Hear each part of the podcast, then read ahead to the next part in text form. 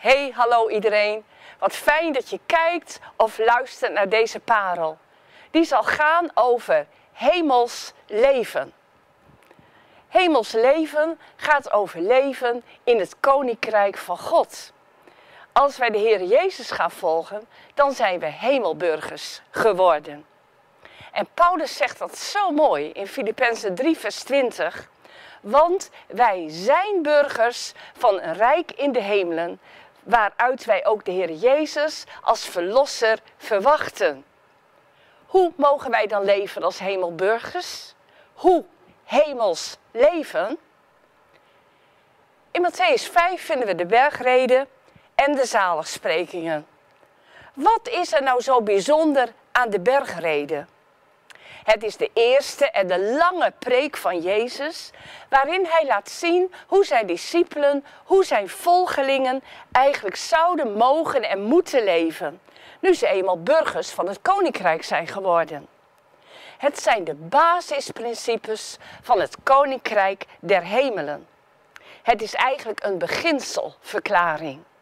Een wegwijzer naar een heel andere manier van kijken en doen die de wereld predikt. Het zijn radicale woorden van Jezus. En dan lezen we in Matthäus 5 dat Jezus de berg opging. Die heeft waarschijnlijk dicht bij Capernaum gelegen. En dan spreekt Matthäus over een berg. En Lucas spreekt in zijn evangelie over een vlakte. Dus eigenlijk moet je maar een vlakte in de bergen voorstellen.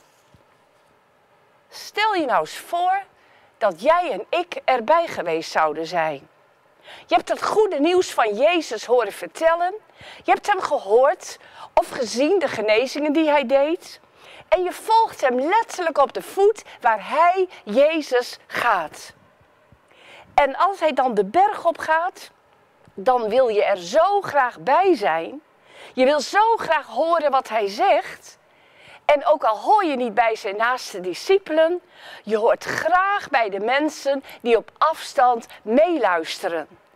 En je gaat zitten en je luistert vol aandacht. En wij gaan zitten en we luisteren even vol aandacht. Matthäus 5, vanaf vers 3. Daar zegt Jezus dan: Gelukkig wie nederig van hart zijn, want voor hen is het koninkrijk van de hemel. Gelukkig de treurenden, want zij zullen getroost worden. Gelukkig de zachtmoedigen, want zij zullen het land bezitten. Gelukkig wie hongeren en dorsten naar gerechtigheid, want zij zullen verzadigd worden. Gelukkig de barmhartigen, want zij zullen barmhartigheid ondervinden. Gelukkig wie zuiver van hart zijn, want zij zullen God zien. Gelukkig de vredestichters, want zij zullen kinderen van God genoemd worden. Gelukkig wie vanwege de gerechtigheid vervolgd worden, want voor hen is het koninkrijk van de hemel. Matthäus 5. Wat spreekt Jezus daar met gezag en met autoriteit? Als hij spreekt, dan gebeurt er wat binnen in je. Dan wordt je hart aangeraakt. Mijn hart wordt aangeraakt als ik deze gelukkig, zaligsprekingen hoor en lees. Maar ik merk ook op, en jij ook, dat zijn boodschap heel radicaal is. Het is een wegwijzer naar een heel andere manier van kijken en doen die de wereld predikt. En in dit gedeelte spreekt Jezus negenmaal het gelukkig uit. Oftewel het zalig uit de oorspronkelijke vertaling. Wat betekent dat? Het komt van het Griekse woord makarios. Het is een uitroep van vreugde. Zo van, hoe gelukkig zijn jullie? Gefeliciteerd. Eigenlijk zegt Jezus steeds, wat zijn jullie gelukkige mensen dat jullie mij gevonden hebben. Want ik ben het lam van God dat de zonde wegneemt.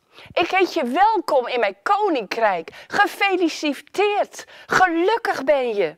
Je bent een hemelburger. Aan het begin zijn de opmerkelijke uitspraken: gelukkig ben je, zalig ben je. Maar na de zegeningen aan het begin komen hier daarna ook de opdrachten, die heel breed zijn en ook heel praktisch. Als je tot, net tot bekering bent gekomen, is dit ook heel praktisch onderwijs over het leven met Jezus. Maar het bijzondere is dat jij en ik niet gered worden door zo'n levensstijl, maar dat we gered worden door Jezus voor zo'n levensstijl. En dan wil ik even met je stilstaan bij, bij vers 3. Gelukkig staat daar wie nederig van hart is. Oftewel, wie arm van geest is, volgens de NBG-vertaling. Je kunt zo wel begrijpen dat arm hier niet slaat op materiële armoede.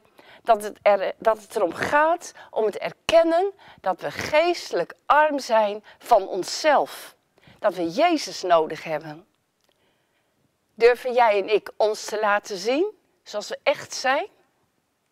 Durf jij trots weg te doen? Durf je God om hulp te vragen?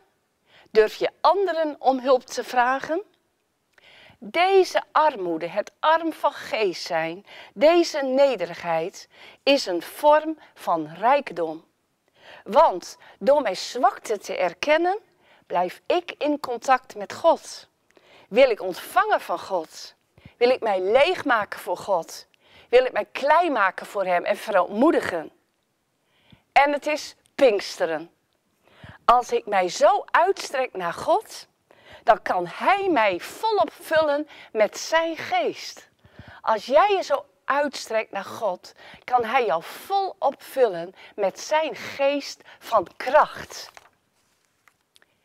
Veel van jullie kennen wel het boek van Henry Nouwen, De Verloren Zoon. Hij was een katholiek priester, hoogleraar in pastoraalpsychologie en heeft vele dingen, ook vele boeken geschreven en veel gedaan voor mensen. En ik ben werd heel bekend door dit boek. Maar op een gegeven moment verliet hij de academische wereld, tot veler verbazing.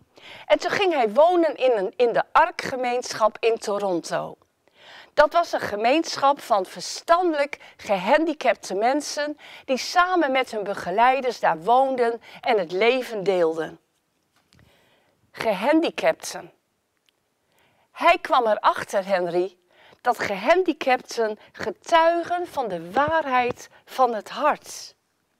En daar in die omgeving komt deze intelligente man, die al jaren ook God dient en veel bestudeerd heeft, daar komt hij in aanraking met zijn eigen kwetsbaarheid. Hij komt in een enorme geloofscrisis. Want mensen vonden hem edelmoedig voor wat hij deed. Maar kon hij zelf geloven dat hij een geliefd kind van God was? En daar ontmoet hij Adam. Hij heeft daar een gelijknamig boekje over geschreven. Adam, een meervoudig gehandicapte man. En daar gaat hij voor zorgen. Daar krijgt hij een nauwe zorgrelatie mee. En Adam, deze man, was altijd rustig. En de liefde van God was in hem, zo schrijft hij. Hij straalde uit, God houdt van jou. En dan komt deze Henry tot de conclusie dat hij ten diepste zelf gehandicapt is en Jezus zo nodig heeft. Door de omgang met deze zwaar gehandicapte man ziet hij, ik heb een leegte, ik heb Jezus nodig. En ik geloof dat we allemaal geestelijke handicaps kunnen hebben. In meer of mindere mate. Door het leven dat we hebben geleid. Of door de dingen die ons in onze jeugd zijn overkomen. Of dingen die ons in het leven zijn overkomen. Er is gebrokenheid. Vul je eigen situatie maar in. Maar ik geloof dat, en ik weet uit mijn eigen leven, dat alleen Jezus die leegtes kan vullen. En als we dat beseffen, dan hebben we ook genade voor elkaar. Als we teruggaan naar de bergreden, nogmaals, wij worden niet gered door zo'n levensstijl, maar voor zo'n levensstijl. Ik raad je aan om de bergreden nog eens helemaal te lezen, misschien biddend en te vragen, Heer, wat wilt u doen in mij? dan kan God door zijn geest, als we zo leven, dit uitbidden. Dan kan God zoveel nog in ons uitwerken. En dan kunnen we genade ook geven aan elkaar. Als Jezus op de eerste plaats komt in ons leven, dan worden we steeds opnieuw gevuld met zijn geest. En dan zien we ook de vrucht van de geest in ons leven groeien. Want de vrucht van de geest is liefde, blijdschap, vreugde, geduld, langmoedigheid, vriendelijkheid, goedheid, trouw, zachtmoedigheid en zelfbeheersing. Wie wil nou niet groeien in die vruchten van de geest? Maar welke keuzes maken wij? Zijn we ons genoeg bewust dat we hemelburgers zijn en hemels mogen leren leven als kinderen van God in zijn koninkrijk? Laten we juist nu we Pinksteren hebben gevierd, ons meer en meer hiervan bewust zijn. Want ik haal nog een keer Paulus aan. Wij zijn burgers van een rijk in de hemelen, waaruit wij de Heer Jezus Christus als verlosser verwachten. Wij hebben de positie als hemelburgers, terwijl we ook Jezus verwachten, die spoedig zal komen. En zo mogen we samen ons licht laten schijnen voor de mensen, opdat ze onze goede daden zullen zien en eer bewijzen aan de Vader in de hemel. En zo wil ik jou op deze tweede Pinksterdag zegenen met de vrucht van de Heilige Geest, die God door jou heen ook wil laten zien, tot zegen voor anderen. Ik zegen je als licht in de wereld. Amen.